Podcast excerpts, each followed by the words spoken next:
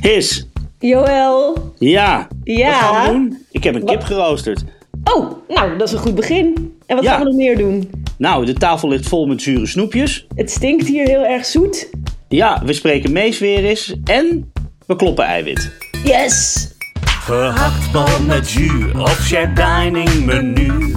Makkelijke eters, kent u ons concept? Truffels en kokkels, calippo's en bokkel. Makkelijke eters, wat een goed recept. Uw recensenten zijn gaar en al dente. Makkelijke eters, Hiske en Joël. Lever met uitjes, muis met beschuitjes. Makkelijke eters, lusten alles wel. Je skeet even de mond leeg. Snoep. Verdomme. De hele kamer ruikt naar zoete troep, want de tafel ligt vol met ehm, allerlei soorten zuur snoep. Want vandaag hebben we het over Zure matten. zure matten. Zure matten. Heerlijk. Maar, voordat we eraan beginnen. eh, allereerst welkom allemaal. En we doen even de reacties. Want ik moet even iets rechtzetten. Eh, vorige keer hadden we het over bananen. En toen heb ik even een klein zijpadje genomen. En gezegd dat ik bierbrouwerijen altijd naar banaan vind ruiken. Omdat biergist zo'n bananige geur eh, produceert. Ja, je gaf aan dat je ons biergenot voor de rest van ons leven ging verpesten. Ja, en ik zei daarbij vooral witbiergenot. En toen noemde ik als voorbeeld Erdinger. En daar heb ik technisch gezien een klein foutje gemaakt door Erdinger onder de witbieren te scharen. Aha. Ehm, het zit namelijk zo. Je kreeg een brief om die, die erover, zich daarover beklaagde. Nou, het was vooral een reactie op jouw Instagram en daar heb jij mij op gewezen. Dank daarvoor. Ehm, het, het, het klopt. Ik heb- ben even bij mijn bierorakel Rick Kempen eh, te raden gegaan.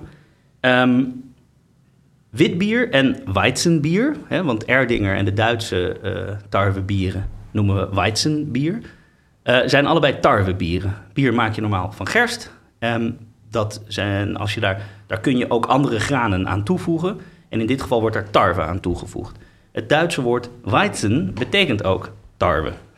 Ehm, dus die Duitse Hefeweizenbieren, dat zijn eh, bieren die wat lichter van kleur zijn, omdat tarwe altijd wat lichter blijft dan dat gerst. Dus wat strogele kleurtje. En eh, dat, dat karakteristieke lichtzure smaakje komt ook van die tarwe. Ehm, en ze zijn vaak ongefilterd. Dus dan blijven de gistdeeltjes en de eiwitvlokjes blijven daarin drijven. En dan krijg je dat troebelen, wat we kennen van die Weidse bieren en dus de Nederlands-Duitse witbieren. Want die Nederlanders en Duitsers zijn dat na gaan doen, die bierstijl. Dus ze zijn tarwebieren gaan maken. Ja. En hebben Weizen gewoon verkeerd vertaald. Want Weizen betekent dus tarwe, maar Ja. niet wit. Dat is wijs. En dus zijn we het witbier gaan noemen. Maar nou is er één groot verschil. In Duitsland geldt het Reinheitsgebot. Dus dan mag je niks anders toevoegen aan je bier dan water, hop, gist, graan. Eh, en dat was het volgens mij. Mhm. Ehm, en in België mag dat wel, dus dan wordt er heel vaak korianderzaad en citroenschillen en Ja. allerlei aromaten Zoals in. Hoegaarden en zo. Exact. Ja. En dus zijn die Duitse tarwebieren officieel geen witbieren. En ruiken ze allemaal naar banaan? Bijna allemaal zit er ergens wel iets van banaan in. Oké, heel goed. Goed recht gezegd, Ja, heel oh, duidelijk. Mag ik dan heel even deze gelegenheid heel snel nog één ander ding recht te zetten? Ik heb namelijk een foutje gemaakt in de eerste aflevering. Dat is niemand anders dan mijzelf opgevallen, maar ik wil het toch graag recht. ik heb gezegd dat ik toen als gekwalificeerd persoon eh, eh, de ingewanden van mijn hert moest controleren om te kijken of het beest gezond was. En toen heb ik gezegd dat ik moest kijken of de binnenkant van de slokdarm glad en schoon was. Maar dat moest natuurlijk de luchtpijp zijn. Bij deze. Oké, nou, bedankt. Zo, nou zit ik weer lekker. Ben je, ben je, ben je nu ontspannen? Nou ja, Het is van je lever. precies. Heel fijn. Met Hartstikke scherpe goed. randjes. Mijn lever heeft wel scherpe randjes, Ja. geen vlekjes. Heel goed. Ehm, ik kreeg ook een, eh, een mail, een hele leuke mail, ehm, van Rol- Rolf. En Rolf die eh, schreef dat hij eh, deze week gaat eten bij de Libraaien in Zwolle. Samen met zijn vriendin en nog een paar vrienden. En dat hij daar al meer dan een jaar naar uitkijkt. En ook er al meer dan een jaar voor gespaard heeft. Dus ze hebben echt een jaar lang alles bij elkaar gegooid om, eh, om naar dat drie sterren restaurant te gaan. Ja, Rolf vraagt ons dus eigenlijk, hoe, hoe bereid je je nou het beste voor op een belangrijk diner waar je voor gespaard hebt? Eh, en hij zei, ja, jullie gaan vaak uit eten. Doen jullie dat op een bepaalde manier? Dus eet je iets die dag niet of let je ergens anders op? Heb jij een soort ehm, een ritueel? Ja, ja, wel een beetje. Ten eerste, in zijn algemeenheid zou ik willen zeggen... je kan niet, volgens mij moet je niet een week van tevoren beginnen... met eh, alleen maar ansjovis eten of iets dergelijks. Maar wat ik wel altijd zeg is dat als je naar zo'n chic, duur restaurant gaat... dan heeft het wel zin om een beetje referentiekader op te bouwen. Dus als je een keertje 500 euro gaat stuk slaan in de Libreien of Noma of wherever...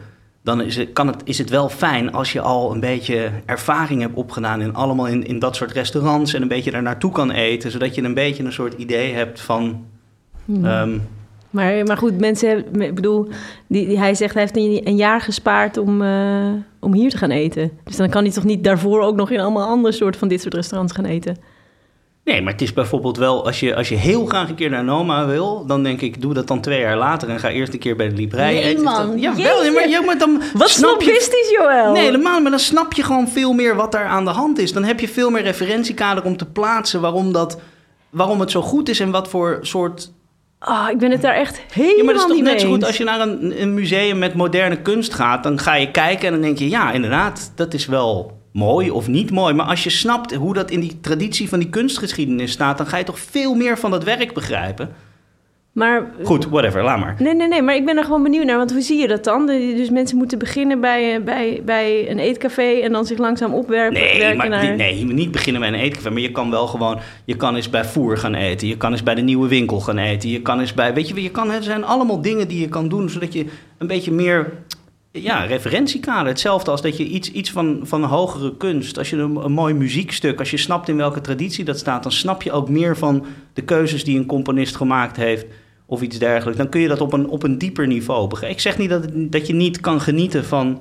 Ik vind het juist bij, bij eten altijd zo interessant dat het zo'n soort van direct genot is. Ik denk dat iemand juist ook bij zoiets als een muziekstuk stuk of bij een restaurant juist heel erg direct ontroerd kan raken of geraakt. Ehm, en, en ook, ook buiten Zeker, een context. maar kijk, het, het verschil is, het kost je niet... Als je een keer naar een muziekstuk gaat, als je een kaartje voor het concertgebouw... ja, dat is misschien, weet ik veel, hoeveel kost dat? 50 euro? Dan kun je er wel zitten. Dus ja, dan kun je dat doen. Maar als je 500 euro gaat stuk slaan, dan denk ik... ja, als je dan een beetje referentiekader hebt... dan heb je veel meer waar voor die 500 euro. Ja. Dat is nogal een flinke som geld. Hmm. Weet Ja. je, mensen zeggen, oh ja, ik las je stuk overnomen, wat leuk, nou moet ik misschien ook maar eens doen. Dan denk ik, ja, maar als je niet echt gewend bent om uit eten te gaan... en niet gewend bent om naar dat soort tenten te gaan... Dan denk ik, Ik ben het echt helemaal niet mee eens. Ik, ben, ik, vind, ik vind het ook grappig, omdat, omdat we daar dan blijkbaar zo verschillend in staan. Nee, maar je gaat toch, als iemand naar mij toe komt en zegt: Oh, ik las dat stuk wat leuk. Zal ik, zal ik ook eens. Want je moet je ticket, je moet je hotel, je moet daar gaan eten. Je bent zo, ben je, ben je, ben je rug lichter voordat je terug bent. Dan denk ik: Goed, ja, ik zou niemand afraden om daar een keer naartoe te gaan. Maar joh, als je nou echt van dat veel waar voor je geld wil, sommige mensen zou ik dan aanraden om eerst eens wat meer Maar wat bedoel, je dan, wat bedoel je dan precies met waar voor je geld? Want ik denk dat juist eh, ook het feit dat het hele gedoe eromheen... maakt het natuurlijk ook het bijzondere dat het is. Ja, Ik- maar is toch, het is toch bijzonder in referentie tot andere ervaringen? Nee, nee, het is op twee manieren. Het is bijzonder op zichzelf, dat Ja. is waar. Daarom zeg ik ook, tuurlijk, ik bedoel, in principe gaat niemand daar weg en zegt ik heb slecht gegeten. Zeker niet. Maar het wordt nog bijzonderder als je het ook nog kan afzetten tegen andere ervaringen. Ja, oké. nou, ik weet niet zeker of Rolf daar iets aan heeft, want hij gaat deze week er al heen. Dus ik denk niet dat hij daarvoor nog naar drie andere plekken kan gaan. Nee, Dus- oké, dat goed. Ik zou ook los daarvan, in zijn algemeenheid, zou ik iedereen aanraden om lekker referentiekader op te bouwen. Ja. Voordat je heel veel geld gaat uitgeven. Mhm. Maar als je dat toch doet, tegen beter weten, tegen al mijn adviezen Jezus, in. Wat? Oh my god. Dat was een grapje. Nee, ik vind het echt zo. Ik, nee, ja, ik vind het gewoon een beetje onsympathiek. de, de, de, de- het idee dat zeg maar iemand die zoiets graag wil doen en ervoor spaart, dat hij zich eerst maar eens een beetje moet inlezen. Ik zeg alleen maar dat het fijn is. Kijk, de eerste keer dat ik met Noma zat te eten, dacht ik: Oh mijn god, ik heb hier dus ook. Ik, ik lig hier krom voor. Hoe moet ik dit betalen? Ik vond het fantastisch. Ik ben heel blij dat ik gegaan ben. Maar de tweede en de derde keer heb ik veel meer kunnen genieten en kunnen. Ja. Omdat ik op een gegeven moment begon te begrijpen waar ze daarmee bezig waren. En, en hoe dat in verhouding staat tot. ja, maar wat je dus eigenlijk zegt is, is je moet geen 500 euro uitgeven bij Noma, je moet 2000 euro uitgeven bij Noma om het goed te begrijpen. Nou, ja, in a way wel. Jeetje. Nee, want je kan enorm genieten van een muziekstuk. Maar om het helemaal te doorgronden, zul je toch meer muziek moeten horen uit die tijd. En meer muziek moeten horen van dezelfde componist. En te weten wat er daarvoor allemaal gedaan werd. En waarom het vernieuwend is. Om iets te kunnen, te kunnen waarderen, om, om vernieuw, als, als vernieuwend een onderdeel is van jouw poëtica. Als dat een, een, een, een criterium is om iets op te ehm, beoordelen. Ja. Dan zul je toch een referentiekader moeten hebben. Maar ik bedoel meer van, jij zegt je moet die ervaring hebben. Maar ik zeg juist, ik denk dat het voor veel mensen juist het feit dat ze die ervaring niet hebben, dat dat het een, een, een bijzonderder avond maakt. Dus dat je er niet per se je ervoor hoeft in te lezen. Dat, dat echt, echt sublieme restaurantervaringen juist een heel eh, direct en een heel soort van intiem appel op je doen. In plaats van dat je per se er een hele kast. Dat, dat is ook. Jawel, maar dat, oké, dat ik bedoel, ik ontken dat ook niet. Dat het niet op zichzelf kan staan en dat je er niet op zichzelf van kan genieten. Maar ik beschouw een. Je hebt, je hebt, je hebt restaurants die gewoon fijn zijn om te gaan eten. En je hebt restaurants die een soort hogere kunstvorm ervan maken. En op het moment dat je het beschouwt als een hogere kunstvorm, dan denk ik dat het zin heeft om, eh, om context te kennen. Maar dat wil niet zeggen dat Rolf niet ongelooflijk gaat genieten natuurlijk bij de Librei, want daar ben ik van overtuigd Ja, dat hij een avond van zijn leven gaat hebben. Ehm, op die dag zelf doe ik altijd wel goed. Je, je moet zorgen dat je niet uitgehongerd gaat naar zo'n restaurant, want dan zit je gelijk al die mandjes brood Ja, eh, leeg te altijd. scheppen. Gewoon Gelijk eh, al het brood weg. Ja. En, en eh, dan, zit je, dan kun je ook niet genieten van die eerste paar gangen, omdat je alleen je honger aan het stillen bent. Maar je moet wel zorgen dat je plek houdt, zeg Ja. maar. Hè? Dat je, dat je goed, goed eh, beslagen ten ijs komt. Dus goed ontbijten, niet lunchen, wel van een appeltje om vier uur. Of een banaan. hey, goed. Jij, wat doe jij? Ehm, nou ja, ik, ik sluit me bij het tweede deel van je betoog eh, volledig aan. Vandaag ben ik boos. Ehm, ja. Ehm, eh, nou, wat ik wel echt als een belangrijke tip zou willen geven voor dit soort avonden... is niet per se, ligt niet per se in de voorbereiding, maar meer in de avond zelf. Namelijk, pas op met de alcohol. Want Oh ja. het is echt in dit soort restaurants, zeker als je... Je, je hebt je... Je hebt alleen maar geluncht met een banaan. je hebt je in de spanning gezeten erover. Het is feestelijk. Je bent met vrienden. Je bent al jaren ben je bezig aan op te bouwen aan restaurantervaring. Ja, of je hebt een jaar gespaard. Ehm, en eh, vervolgens krijg je dus eerst drink je misschien een biertje, een glas champagne. En dan neem je een wijnarrangement. Een cocktail. Een cocktail. En, in, en het gebeurt best wel vaak. En dit is echt iets wat mij ook wel een paar keer is overkomen. Dat je in zo'n zaak gewoon bij gang 4 of zo... eigenlijk al een beetje te aangeschoten bent om alles nog goed te kunnen meekrijgen. En dat is zeker in zo'n restaurant echt zonde. Ik ben een groot voorstander van gezellig aangeschoten worden met vrienden in een restaurant. Maar als je, het, als je je er zo op hebt voorbereid, is het echt slimmer om gewoon echt uit te kijken met alcohol. Dus ik doe zelf eigenlijk altijd in een zaak als dit nu met mijn tafelgenoot één wijnarrangement delen en dan één alcoholvrij arrangement delen. Ook omdat er in heel veel zaken gewoon nu ook een heel leuk alcoholvrij arrangement geschonken wordt, maar ook gewoon om een beetje fris te blijven voor al die indrukken die je zo'n avond krijgt. Dus dat zou mijn tip zijn. Goed. En ik dacht dat het misschien ook nog wel leuk was om dit even aan Mees voor te leggen. Ja, want die hebben we al veel te lang niet gesproken. Ehm, onze goede vriendin Mees. In Kopenhagen. Ja. Want die heeft natuurlijk elke avond een hele zaak vol met mensen zitten die zich heel lang op zo'n avond hebben voorbereid. Behalve als ze er al voor de vijfde keer zitten. Nou, echt, je maakt voor mij een soort... Je zet me zo weg als een soort onsympathieke Nee, duivel hier. Dat is Helemaal niet niet. Je bent, die, je bent een schatje. Ehm, een hotelschat. een hotelschatje. Heb jij nog gekookt deze week? Ja, ik heb een kip geroosterd. Kijk. En ehm, eigenlijk, ik kan me niet zo goed meer herinneren wanneer ik er nou mee begon. Maar, maar sinds kort doe ik, ik doe het alleen nog maar op één, op, op, op één manier. Dit is gewoon kip. Dus namelijk de truc is om de bouten gaar te krijgen en de borsten niet droog te maken. En er is gewoon één Het grote, het grote kipmysterie is Ja, dat. eigenlijk alle vogels die Ja. in zijn geheel wel braden, is dat is dat, Zo is dat onaardig van die vogels dat ze niet wat evenwijdiger Ja, gebouwd precies, zijn ja. door de lieve heer. Dat, ehm, nee, maar de, ik heb gewoon de life hack voor mij in ieder geval is ehm, eh, boter onder het velletje. Ja, Ik maak, en, en dat is de hele leuke waar je zin in hebt. Je kan die boter alle, alle smaak geven waar je zin in hebt. Je kan hem super pittig maken. de Cajun kruiden. Je kan er een soort eh, café eh, Paris boter van maken met ansjovis en groene kruiden en weet ik veel. Of gewoon wat je in huis hebt. Het is echt een Jamie Oliver ding, toch? Dat onder de huid smeren van boter. Nou, ik heb het volgens mij ooit opgepikt toen ik bij Rijssel was. Daar zit ook altijd iets onder de huid gesmeerd. Ja, En wat dus eigenlijk, dit, is allemaal verder niet zo heel ingewikkeld, maar wat dus de truc is en wat het oefenen is, is om dat huidje los te krijgen zonder het in te scheuren. ja.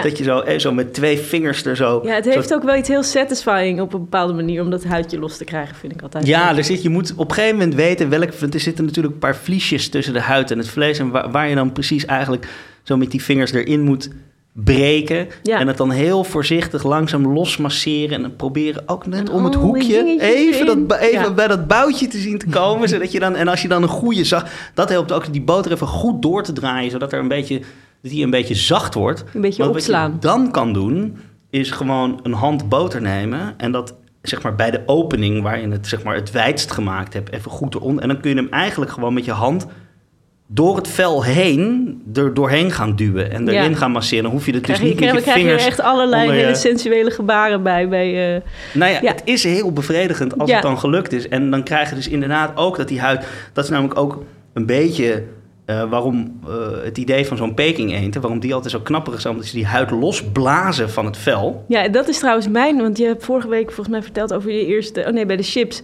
over jouw eerste stuk eh, voor het NRC dat over die chips ging. Mijn eerste herinnering aan een stuk van jou Ja. is dat jij met een fietspomp Dat het vel van een peking eend bent Dat gaan was- losblazen. Dat was de eerste Toen dacht ik, deze man moet ik ontmoeten. Nou, en vervolgens zitten we hier twaalf jaar later ruzie te maken. Ja. Ehm, maar eh, nee, dat was mijn eerste culinaire column. Toen hebben we dus inderdaad...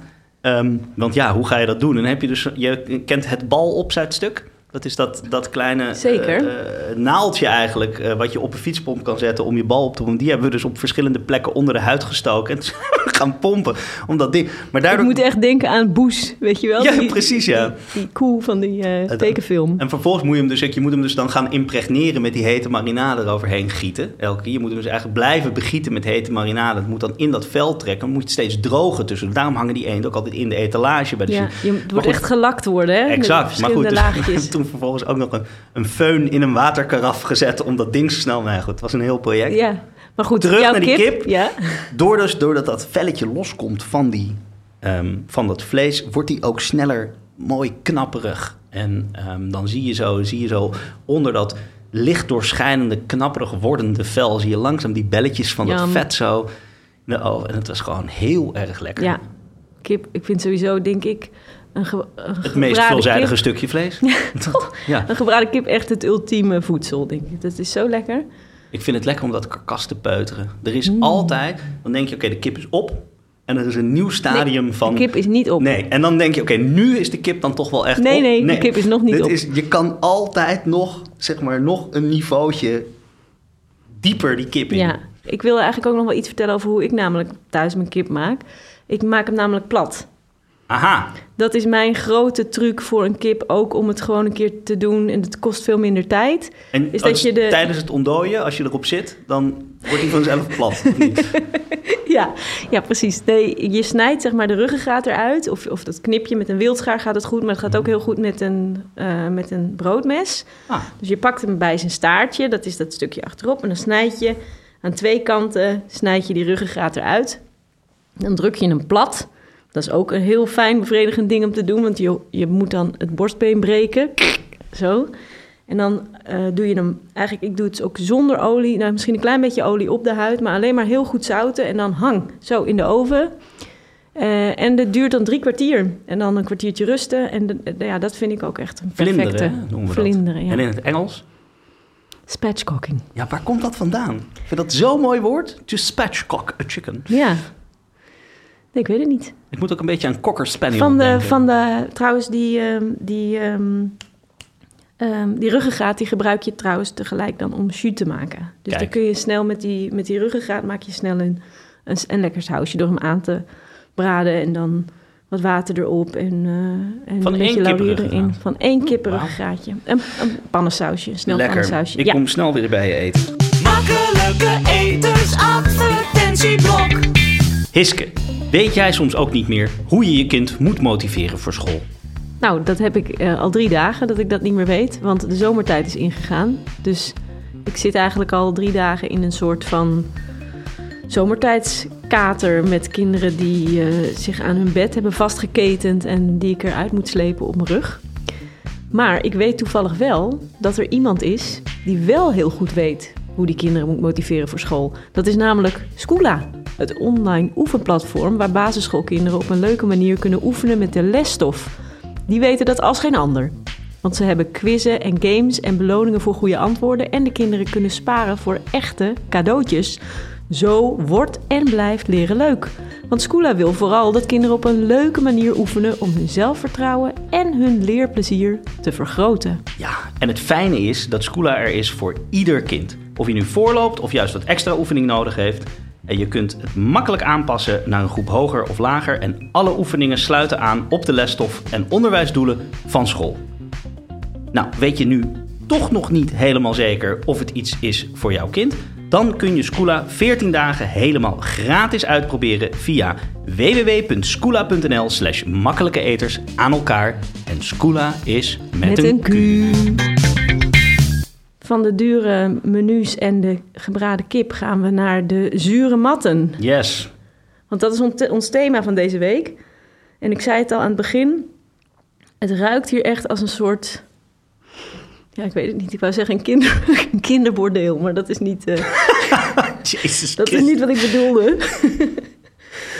Nee, het is hier, er, er hangt echt een soort van eh, walm van allerlei verschillende soorten ehm, kunstmatige aroma's. Kunstmatige aroma's. Want eh, ik ben net even naar de winkel gegaan en ik was echt verbijsterd over hoeveel verschillende soorten zuur snoep er is. Ja, Want is, dat is op, ja, maar dat is op zich best nieuw, toch? Want volgens Nee. mij, wij zijn opgegroeid in de jaren negentig, had je echt geen twintig verschillende soorten zuur snoep in de supermarkt. maar had je niet toen wij opgroeiden gewoon überhaupt van dingen minder soorten? Ja, misschien wel. Maar het is wel zo dat je nu bijvoorbeeld Minder van soorten paaseitjes bijvoorbeeld. een doorn in mijn oog. Maar ehm, ja, nee, ik, maar ik moet wel zeggen, ik ken ze wel. Ik bedoel, de Napoleonbal is al zo oud als de weg Ja. naar Rome. Eh, ik kan me herinneren, een van mijn aller, allervroegste eh, eetherinneringen is, mijn, mijn vader is van Gent. Eh, dus ik heb Uit Gent. een, een, een Belgische familie en daar gingen we er vroeger heel veel eh, op bezoek. En ehm, toen ik heel klein was, leefde mijn overgrootmoeder nog. En die woonde in huis bij mijn opa en mijn oma. En als wij dan aankwamen, dat was echt gewoon een soort Pavlov-effect. Dat ik daar met een hele, zeg maar, natte mond vol speeksel stond. Omdat we altijd het eerste wat zij deed, is uit, het, uit de bovenste kast, van de bovenste plank, zo'n zakje met van die knijterzure, ja, een soort frietjes noemden wij. Dat waren gewoon eigenlijk een soort, heel, een beetje harde winegums in een soort dun staafje met super gesuikerd. Super zuur. Van het zure poeder erop. En dan kregen er twee. En dat vond ik echt...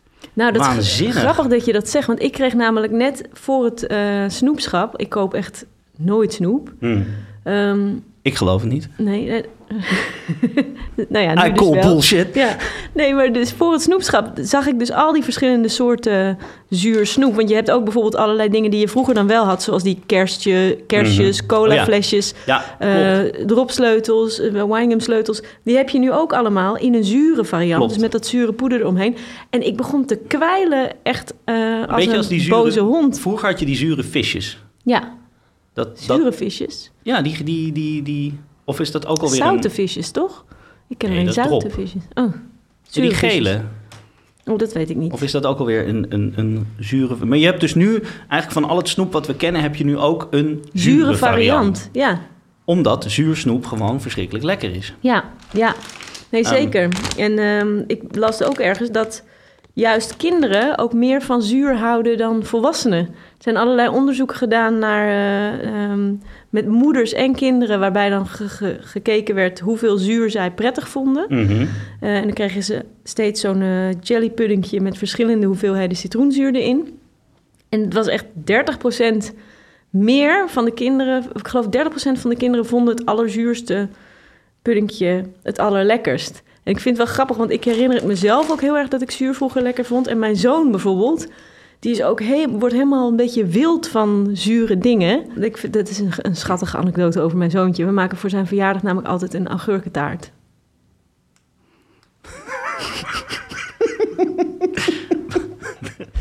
Elaborate, Ja, please. ja hij, we waren op een gegeven moment, las ik hem een boekje voor. Toen was hij echt drie. En toen zei ik, eh, ja, er er zat een vallende ster in. En toen zei ik, ja, als er een ster valt, dan mag je een wens doen. Als jij nou één wens zou mogen doen, wat zou je dan wensen? Niet. Weet je wat hij zei? Nee. Een augurk. Dit is zo. Ja, hij, had, hij was helemaal, Oh, hij had echt een fase dat hij helemaal dol was op augurken. Dus we maken nu altijd een augurkentaart. Is gewoon een aardappelsalade hoor. Die mogen ze dan zelf versieren. Vertel met, het hem niet. hè. Versieren met, eh met eh, kersttomaatjes en Oh, eh, ik vind dat heel, zilveruitjes. heel erg lief. Ja, lief hè? Oh. Nou goed, dus dat, eh, dat is een beetje N is één. Maar in ieder geval, die, eh, Ja. die kinderen die schijnen heel extra dol te zijn op zure dingen. Nou, maar, dat is, maar ik vind dat dus grappig dat je dat zegt. Want in principe, ho, je, je eh, zeg maar duizend miljoen van die YouTube-filmpjes van kinderen die hun eerste citroen, omdat het allemaal zulke hele leuke, schattige, eh bekkentrekkende koppen oplevert. Ja, Je hoort dat dus eigenlijk helemaal niet lekker te vinden. ja, Zuur is niet een, ehm, een aantrekkelijke smaak. We, hebben, we hebben vijf smaken, eh, waarvan zoet, zout en umami lekker zijn. Een bevrediging triggeren bij ons, omdat het heel belangrijk is dat we suiker, brandstof, eh, aminozuren, bouwstoffen en, ja. En eh, eh, dat natrium binnenkrijgen wat in het zout zit. Zijn wij dus geprogrammeerd om dat lekker te vinden. Ja, wat Maar- raar eigenlijk, want zuur is eigenlijk niet per se op zichzelf iets dat goed voor ons is. Kan ook Nou, betekenen. Ja, nee, in principe is zuur dus een waarschuwing. Als dingen te zuur zijn. eh, Kijk, helemaal te zuur is sowieso gevaarlijk natuurlijk. Hè? Echt, echt iets wat, wat pH echt super laag is. Dat, dat bijt, dat brandt, dat is, dat is gevaarlijk. Eh, batterijzuur of accuzuur of whatever. Maar ja, nee, dat, maar, maar in, in de natuur is zuur in principe ook een waarschuwing. Dingen die verzuurd zijn, die zijn, kunnen niet meer goed zijn. Daar kun, je, daar kun je ziek van worden. En onrijp fruit is zuur, daar krijg je buikpijn van, daar moet je vanaf blijven. Dus vandaar dat, die, die, dat, dat zuur toch een soort afschrik eh, Ja. werking heeft. Ehm, maar het is onmiskenbaar dat wij zuur toch wel lekker vinden. Althans, een beetje zuur vinden we heel lekker. En er zijn, wel, er zijn eigenlijk twee ehm, interessante theorieën waarom we zuur lekker zijn gaan vinden. Mhm. Eén is, wij kunnen geen vitamine C aanmaken. En dat kunnen andere dieren wel. Echt? Ja, Die Je maken kat- het zelf aan. je hond, nee, maar daarom, een kat of een hond eet geen sinaasappel. Ja. Eh, eh, varkens kunnen het ook. Eh, er zijn ontzettend, maar wij zijn dat, primaten zijn dat, dat vermogen om dat zelf te kunnen synthetiseren, zijn dat kwijtgeraakt in de evolutie. Nou, was dat niet per se heel eh, eh, eh, problematisch, omdat dat dieet van primaten toch voor het grootste deel uit fruit bestond. En dan kregen ze dus dat vitamine C binnen. Maar vitamine C is dus een zuur, het is ascorbinezuur, dus dat smaakt ook zuur. Ja. En het is heel aannemelijk dat er dus ergens in de biologie toch wel iets van een gewenning of, of zo is eh, ingesleten. Dat een beetje zuur toch wel belangrijk is, omdat we dat vitamine C binnen moeten krijgen. ja. Een andere theorie, die ook heel interessant is, is dat wij veel vaker eh, eigenlijk gewoon eh, rot fruit aten. Fruit wat al lang van de boom gevallen is als primaat, dan wij nu ons voorstellen. ja. En dat dat fruit, ja, als dat gaat rotten, kan dat gevaarlijk zijn. Maar op het moment dat het eh, fermenteert en dat er dus melkzuur eh, ontstaat, dus de melkzuurbacterie, die, die is niet gevaarlijk voor ons. En die, Mhm. maakt, die maakt de omgeving zuur. Nee, die En- maakt juist eh, vitamine aan die goed voor ons zijn, toch? Ja, en, en, en wat hij dus doet door die zure omgeving, maakt hij het voor zichzelf eh, prettig en voor andere microben onprettig om te leven. Dus dat verzuurde, vergiste, eh, gefermenteerde fruit, wat dus zuur was door die melkzuurbacterie, was dus juist veiliger om te eten dan eh, ander fruit wat misschien aan het rotten was. Dus dat we zure misschien zo ook zijn- weer zuur, dat de zuur dus eh, tegelijkertijd een waarschuwing, maar ook kan duiden op veiligheid. Ja, en ik zie wel, maar als je kijkt naar wat voor zure dingen mensen lekker vinden. eh, je ziet het ook wel heel erg bij deze snoepjes. Die zijn niet alleen maar zuur, maar ook wel echt zoet. Want zo'n Napoleonbal, ik heb hier zo'n zak met die kogels liggen. Dat zijn ook van die dingen dat ik er naar kijk en dat ik al begin te kwijlen. Omdat ik echt nog weet dat je vroeger dan achter in de auto zo'n ding tussen je kiezen nam. En dan, en dan in één keer echt zo pang, tranen in je ogen van de... Maar dat is dus met die Napoleon, want, het, want te zuur is nog steeds onprettig. Of alleen maar zuur Ja, is nog steeds... on- er moet ik dan- iets zoets tegenover staan, hè? Ja, want, het is, want die Napoleonballen zijn zo gemaakt dat je ze in je mond stopt en dan ga je sabbelen en dan zijn ze zoet en dan zoet. Totdat er op een gegeven moment gaatjes beginnen te ontstaan in, in dat zijn. Want, dan, want dat zure poeder zit van binnen. Ja, dat is Maar- de kick. Ja, maar wat er dus dan ook wel eens gebeurde, is dat er opeens één groot gat ontstond. En dan kreeg je in één keer, zo, Ja. in één keer die hele. Een soort vacuümreactie. En dan, Ja. en dan krijg je in één keer die, die hele klap van de poeder. En dat is niet lekker. Hmm. Maar ik was vaak toch ook te ongeduldig, dus ging ik erop kouwen. Ja, maar goed, bij snoep, in snoep zit sowieso natuurlijk vaak zuur. Want als je kijkt naar zuurtjes bijvoorbeeld, ja, die heten niet voor niks zo. Mhm. Ehm, mensen gingen op een gegeven moment rond suikerfabrieken heel veel nou ja, verschillende soorten snoep maken. Dus de Mhm. gelatine snoepjes, zoals, eh zoals winegums. Maar ook zuurtjes, harde gekookte snoepjes. En gewoon een blok suiker is gewoon... Er is gewoon geen reet aan. Dat is alleen maar zoet. Dat is gewoon alleen maar plat. Ja, Dus daar moet iets zuurs bij om het lekkerder te maken. En, omdat, en die oude zuurtjes, daar zat dus altijd ook vrij, vrij veel citrus, eh, citroenzuur in. Mhm. En je ziet het nu ook nog bij al die andere snoepjes. Hè, die, heb, we hebben hier wel twee soorten zure matten liggen.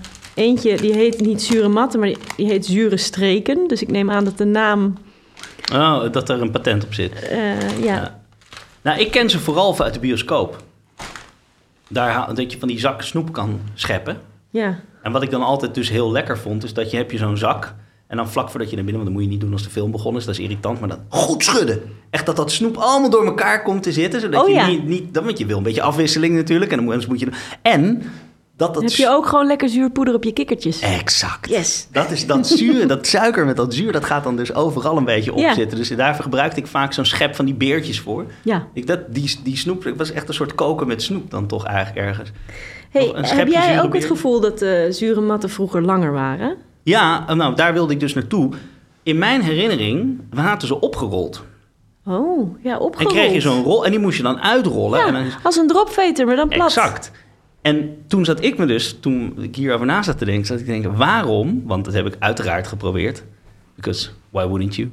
Waarom is het dus wel lekker om een, een hap van een uitgerold matje te nemen, maar niet lekker om gewoon een hap uit die rol te nemen? Hmm. Nou, Nou, ik, ik, nou ja, ik vermoed dat het iets te maken heeft met de. Ben je een, met een hap opgerolde zure wat? ja, Ik- dat is inderdaad niet lekker. Nou, ik vermoed dat het te maken heeft met dat je dus. ehm, de oppervlakte waar het zuur op zit. moet op je tong komen om Ja. op te lossen. Om, om, om, om het te proeven in je speeksel op te lossen. En ik denk dus dat je. eh, dat, dat alle laagjes die opgerold zitten ertussen Ja, dat die minder goed, dat die dus niet zo snel doorkomen. Dat je dus meer suiker, meer zoetigheid, meer kouwerigheid hebt. En dat dus ten, ten opzichte van de hoeveelheid zuur die loskomt. nee, het is juist veel te zuur. Het is echt Oh. op- oprollen en dan, eh, want dat heb ik net gedaan. Het is echt, eh, je proeft bijna ja, maar geen dit, suiker dit- meer. jij hebt nu zelf gewoon een beetje losjes het opgerold. Die dingen zaten natuurlijk uit de fabriek helemaal strak Oh ja. opgerold in en die moest je lostrekken. Maar hier zit dus heel veel zuur ook in. Dus ik, dit is niet per se... eh, het is ook wel een hele heftige aardbeiensmaak. Ik vind aardbeiensmaak ook zoiets interessants. Want die, als je het hebt over van die aroma's... je hebt gewoon 10.000 verschillende soorten aardbeiensmaak. Oké, Dit, dit is ook iets voor een andere aflevering. we gaan het hier een andere keer over much. hebben. Ja, dat is too much. Eh, er zijn wel verschillende soorten zuur die gebruikt worden in die snoepjes. Ja. Ik eh, pak kijk even op de achterkant. Ik zie hier... het is vooral citroenzuur. Zie ik, dat, dus dat wat er in die Napoleonballen zit, is citroenzuur met dextrose. Mhm. Ehm, die, ik heb ook de Haribo Fizz. Dat zijn een soort van... een soort rietjes. Soda straws heten ze ook. Ja, dit zijn die... die je hebt, als ze met salmiak zijn, heten ze heksenstaven. Ja, heksenhiel. Ik vind dit Precies. heel lekker. Nee, en dit zijn allemaal hele rare smaken. Tropical Passion, Iced Tea Oeh. Peach. Nee, toch? Dat is niet... Gadverdamme. Ai, ai, ai. Ehm, hier Nou, zit ook eh, ja. appelzuur in. Dus ehm malic acid, dat is appelzuur. Mm. En dat is wat eh, een beetje een soort van dat onrijpe fruitachtige. En- leuk. Hm? En ascorbinezuur is dus gewoon puur vitamine C. Ja, klopt. het leuke van die, van die zuur, dat citruszuur en, en bijvoorbeeld wijnsteenzuur, wat in, in bakpoeder zit en zo, dat, ehm, eh, dat, dat, dat proef je gelijk. Dat komt heel, direct binnen. Ja, En dingen als appelzuur en melkzuur en dat soort dingen, die, dat, dat, dat wordt pas wat later zuur als je die mond. Dus door daarmee te spelen krijg je wel een soort van verloop in zuur. ja in dat je- vind ik in ook zo mond. leuk. Het feit dat je met zuur, net als bij, eigenlijk bij pepers en zo, ook een soort van, dat er een soort tijdselement aan zit. Ja, Dus dat je, je hebt echt van die, bij pepers ook, hè, van die aanrollende pit. Die dus je niet meteen proeft, maar die langzaam echt zo'n beetje opwarmt in je mond. En dat heb je bij bepaalde soorten van dat zuur ook. Dus, eh, en zowel zuren die je echt zo klap Ja. in één keer, eh, dat je echt tranen in je ogen Ja, dus- krijgt. er zit dus nog wel wat achter eh, Zeker. in deze snoepjes. hey, jij bent altijd tot nu toe degene die dan altijd roept... ja, is leuk, want ik heb ook nog tips over hoe je het zelf thuis moet maken. en toen dacht ik, ja, bij zure mat is dat toch misschien wel lastig. Maar toen herinnerde ik me dat ik ooit bij restaurant La Stage gegeten heb in Amsterdam. Ehm, en daar bij Toetje een zure mat kreeg. Dus ik heb even Rogier van Dam opgebeld en gevraagd hoe hij dat gedaan heeft. Dus ik kan toch nog even heel kort vertellen hoe je thuis een zure mat kan maken. In principe is het een beetje zo'n ehm pâté de fruits. Wat je maakt, dus je met een fruitpuree of fruitsap... Pattefree. Hm? Pattefree. Ja, pâté de fruits. Ehm, eh, gewoon fruit, siroop of fruitpuree eh, inkoken, reduceren. En er gaat dan eh suiker en pectine bij. En Ja. als je dat dan opkookt tot 107 graden, dan geeft die pectine een bepaalde binding. Dan kun je het uitstorten als het afkoelt. Dan geleert het. En dan kun je het snijden eh, in de vorm die je wil. Ja. Het blijft wel wat. Hè, je kan het niet zo plat maken als zo'n zure mat. Daar zit hier zit veel meer bindmiddel, een stabilisator in en dat soort dingen.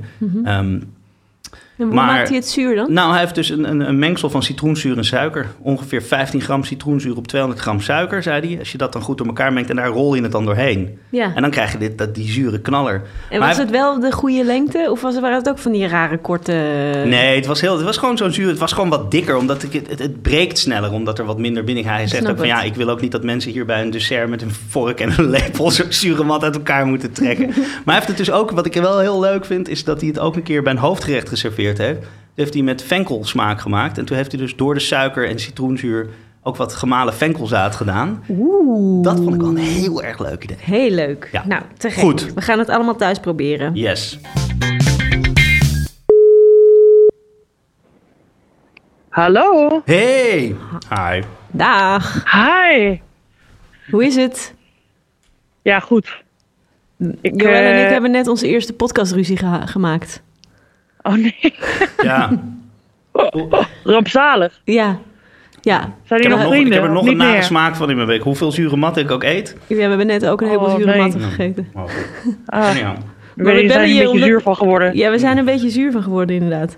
We, we kregen een hele leuke mail Ja. eh, van iemand die eh, voor het eerst uit eten ging in een hele chique zaak... en zich afvroeg hoe die zich daarop moest voorbereiden. Dus, eh, eh, nou ja, of hij dingen wel of niet moest eten. Nou, ik denk dat een heleboel zure matten eten 's middags misschien geen goed idee is. Maar ehm, of hij eh, zich moest inlezen. of dat hij zich of juist veel moest eten of weinig.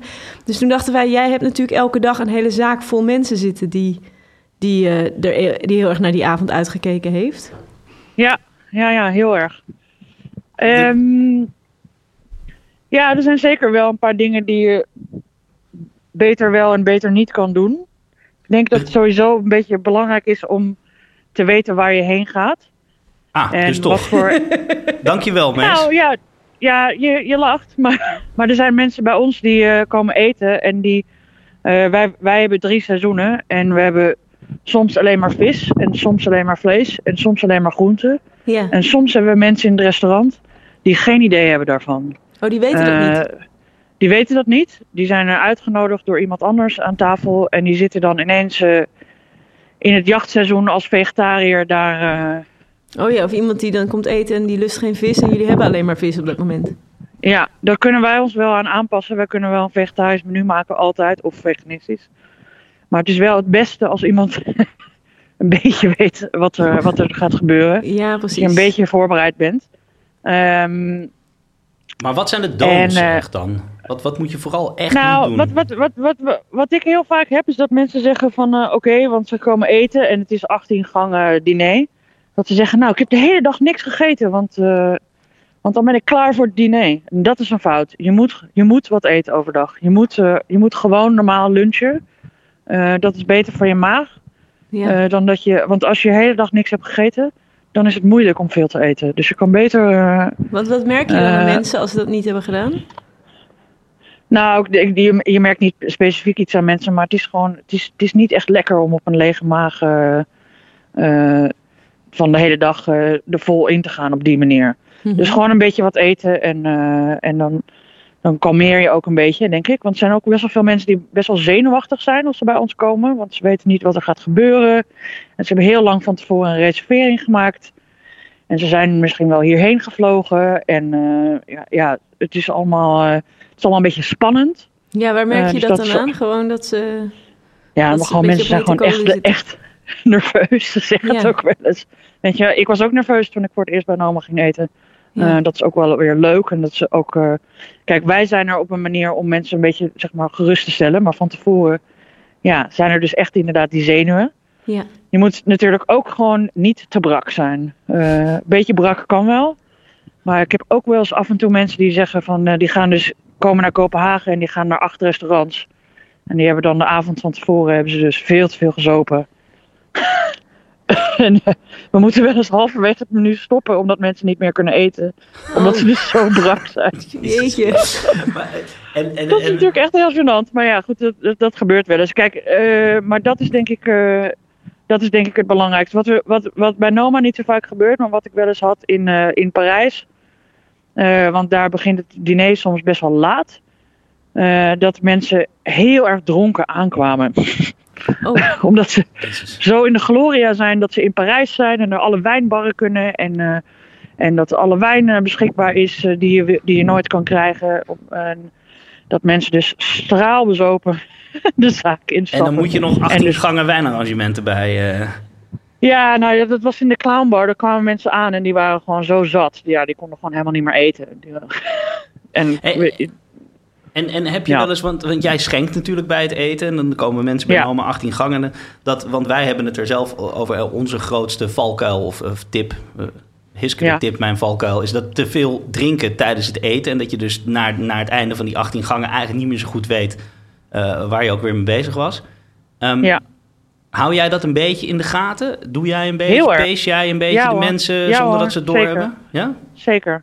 Eh, mensen die net gaan zitten in het restaurant, die krijgen hun eerste glas wijn. En de meeste mensen die, die, die, eh, die hakken die, dat eerste glas achterover. En wij schenken eh, best wel ruim, maar wij schenken altijd bij. Het is niet zo dat je één glas krijgt en dat als je dat op hebt, dan is het afgelopen. Dus wij schenken bij. En we willen natuurlijk gul zijn, want je betaalt er best wel wat geld voor. Maar je wil niet mensen dronken maken. Ik bedoel, uiteindelijk ben jij verantwoordelijk voor, eh, voor, de, voor de staat van de, van de mensen. En inderdaad, of ze dus helemaal eh, bezopen eh, tegen het eind zijn van het, van het diner. Je kan een beetje inschatten hoeveel mensen kunnen hebben. Als er een hele grote kerel is uit Ierland, die kan ik wat meer schenken dan, dan anderen. Maar Ja, je, je, bent zeker. Nee, nee, nee. Je moet ontzettend, je moet ontzettend opletten dat je dus mensen niet, eh, niet, niet starnakel aan je tafel zitten.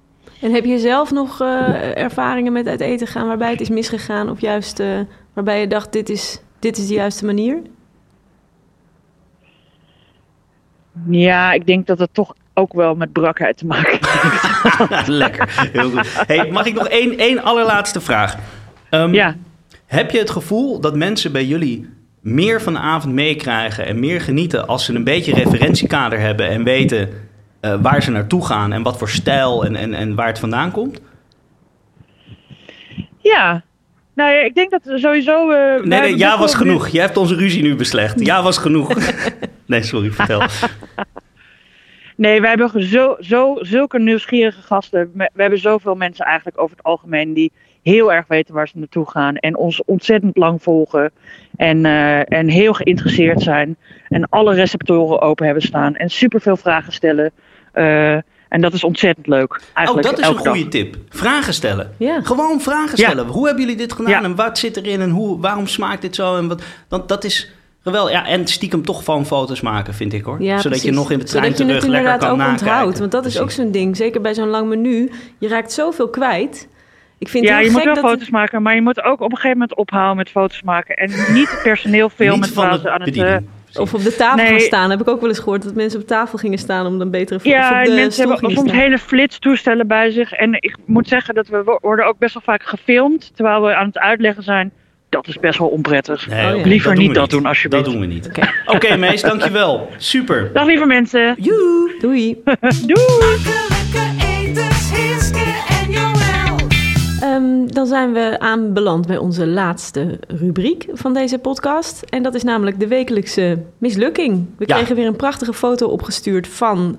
Willemijn Kruijsen, een eh, goede vriendin van mij. eh, zij is ook eh, zeer verdienstelijk cateringkok. Zij kan fantastisch koken. Ja, En maar dat zou ik- je niet zeggen als je die foto's ziet. Nee, nee, ik kreeg ehm, via de app, we zullen hem zo in de show notes zetten, ehm, een soort van ingestorte vlekken op bordjes.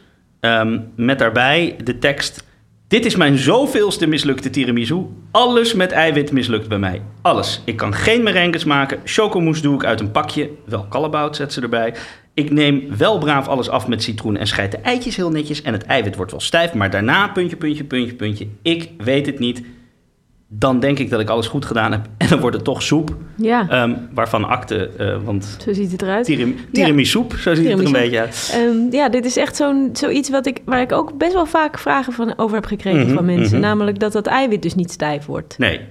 Ehm, er zijn, nou ja, ze zegt zelf al een aantal eh, dingen die, die altijd gezegd worden. Hè. Je moet zorgen dat je, eh, je, je, je kom en, en de spullen waarmee je werkt echt absoluut vetvrij zijn. Vet is een eh, vijand van eiwitschuim. Eh, heel kort, wat is eiwitschuim? Je eh, tikt eigenlijk luchtbelletjes erin. Een luchtbelletje is dus lucht waar een heel klein dun vliesje vloeibaar water vaak of water met opgeloste spullen omheen zit. En wat er gebeurt is dat als je met die garde sla je door dat eiwit heen en die eiwit eiwitten, ik noem ze even proteïne om niet de hele tijd eiwit-eiwitten te moeten zeggen. Die eiwitproteïnen die ontvouwen zich en die gaan met elkaar binden. Die maken een netwerkje en die netwerkjes die verstevigen eigenlijk die wandjes om dat luchtbelletje, waardoor dat luchtbelletje blijft, eh, langer blijft bestaan Ja, eh, niet knapt. En dus op het moment dat dat netwerk eh, een beetje solide is rondom die luchtbelletjes, dan maak je een stabiel schuim. Nou, wat doet vet? Dingen als vet, maar ook dus eidooier, waar heel veel vet in zit. ja dat Of- is ook echt zo'n ding, hè, dat je heel voorzichtig je eieren moet scheiden... om te zorgen dat er niet eens een druppeltje eigeel in Ja. komt. Dat wordt ook wel een beetje overdreven. Een minuscuul druppeltje ehm, kun je er echt nog wel doorheen slaan. Maar het moet echt niet te veel. Liever helemaal niks. Dus goed schoonmaken, geen vetten erin. Je kan het Ehm, beste als je ze scheidt, neem je drie bakjes. En dan doe je eentje voor het eiwit, eentje voor de dooier. En die eiwit schenk je dan steeds over in een ander bakje. Want ik heb ook wel eens gehad Ja, dat ik dus dat- eieren scheide... ja. en dat je dan die eidooier breekt... en dan is al je ei- eiwit is ineens, zit ineens dooier in. Dus je moet dat eigenlijk met drie bakjes doen. Ja. Nou, en dan heb je dus wat. Maar wat gebeurt er als dat vet erin zit? Dat vet concurreert eigenlijk eh, om die bindingen. Met, met die, die, gaat, die verstoort de bindingen tussen die proteïnen. En ehm, het gaat zelf op die plekjes zitten waar je graag eh, zo'n zo'n proteïne wil hebben. Om dat net, dus dat netwerk verzwakt gewoon. En, en daardoor krijg je het niet goed stijf. Ehm, daarom eh, geen vet dus. Maar wat er dus ook mis kan gaan, is dat het netwerk te stevig wordt. Als dat netwerk namelijk te strak wordt, ja, dan ga je vanzelf duwt het natuurlijk alles wat ertussen zit weer naar buiten. En dan krijg je dus een hele korrelige structuur aan de ene kant. En loopt toch weer het vocht en het lucht loopt er aan de andere Ja, kant ik ken uit. dit ook. Ik, ik zie voor me nu zo'n bak waar dan een soort van echt vlokken... een beetje Ja. van die vlokken zoals je op de zee ziet drijven... en dan met een soort viezig vloeistofje eronder. Ja, Dat is zeg maar, het schuim is dan wel, de lucht zat er wel in, maar het is niet stabiel. Nee, het is dus, het is dus te ver geslagen Ja. eigenlijk. En nou, ehm, dat citroen, eh, waar, waar Willemijn zelf ook al over begint. Ik dacht dus vroeger altijd dat dat was om de kom vetvrij te maken. Maar het citroenzuur doet iets anders ook nog. Goed, er zitten dus meerdere verschillende proteïnen in dat eiwit. Sommige daarvan hebben eh, zwavelgroepen. En die eiwitten zijn nou degene die juist heel, heel dat netwerk strak maken. Dus eh, als je die buitenspel zet, dan loop je minder kans dat je eh, dat vlokkerige, korrelige krijgt. Vroeger zeiden ze altijd kloppen in een koperen kom. Koper reageert met zwavel, dat zet buitenspel. Dat doet citroensap ook. Dus die citroen is niet per se alleen maar voor het ontvetten. Dus je moet het vooral ook niet dan vervolgens weer afvegen met een doekje. Maar laat dat citroensap erin zitten, want het helpt dus bij het tegengaan van dat toch weer scheiden van die... ehm, Ja, want je ziet stabiele- inderdaad in Michel Roux en zo zie je dat altijd echt in zo'n zo'n koperen kom eh, Ja. eh, kloppen. Maar ja, daar denk ik dat altijd van, die heb ik niet. Maar zo'n Ja. citroen doet dus eigenlijk hetzelfde. Ja, exact.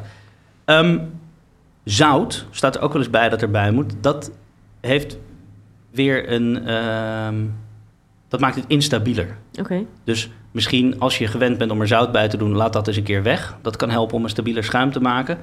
Ehm, suiker ook, alleen niet gelijk in het begin. In het begin vertraagt suiker. Suiker maakt de vloeistof stroperiger. En dan wordt het dus moeilijker om zo'n mooi dun vliesje om je luchtbellen te krijgen. Ja, dus je begint met eh, alleen het eiwit. Exact. En dan voeg je de, het suiker later toe. Ja, want wat, het suiker maakt het toch uiteindelijk weer dikker en stroperiger. En dus steviger. ook steviger. Meer marshmallow-achtig. Ja. ja. Nou, als het helemaal, toch echt helemaal... Ja, ja, vervolgens is het natuurlijk familie maken eerst. Voordat je je eiwit... Je, je moet je eiwit ergens... Als je tiramisu maakt of chocomousse... moet je het ergens doorheen scheppen.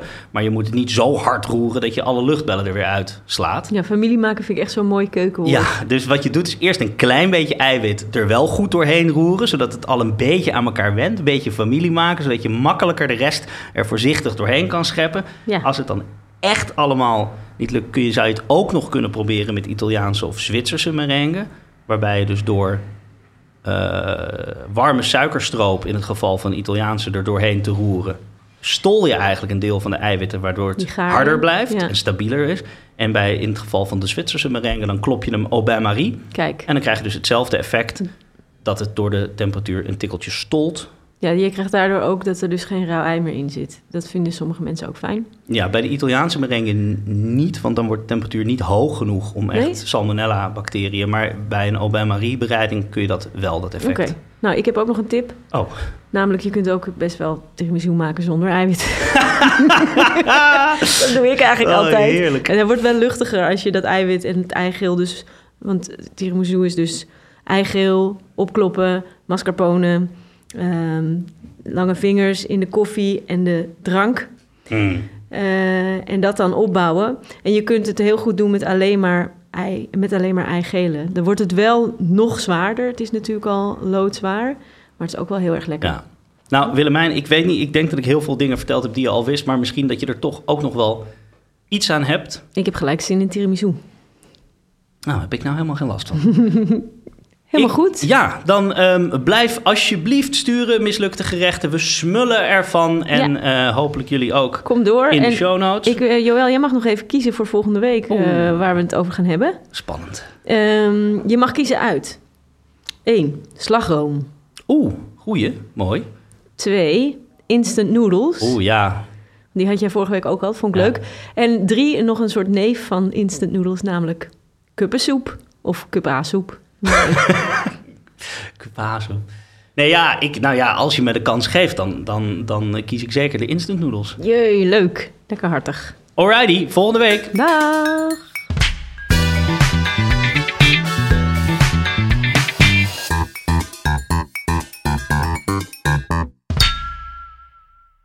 Dit was een podcast van Meer van Dit. Wil je adverteren in deze podcast? Stuur dan een mailtje naar info.meervandit.nl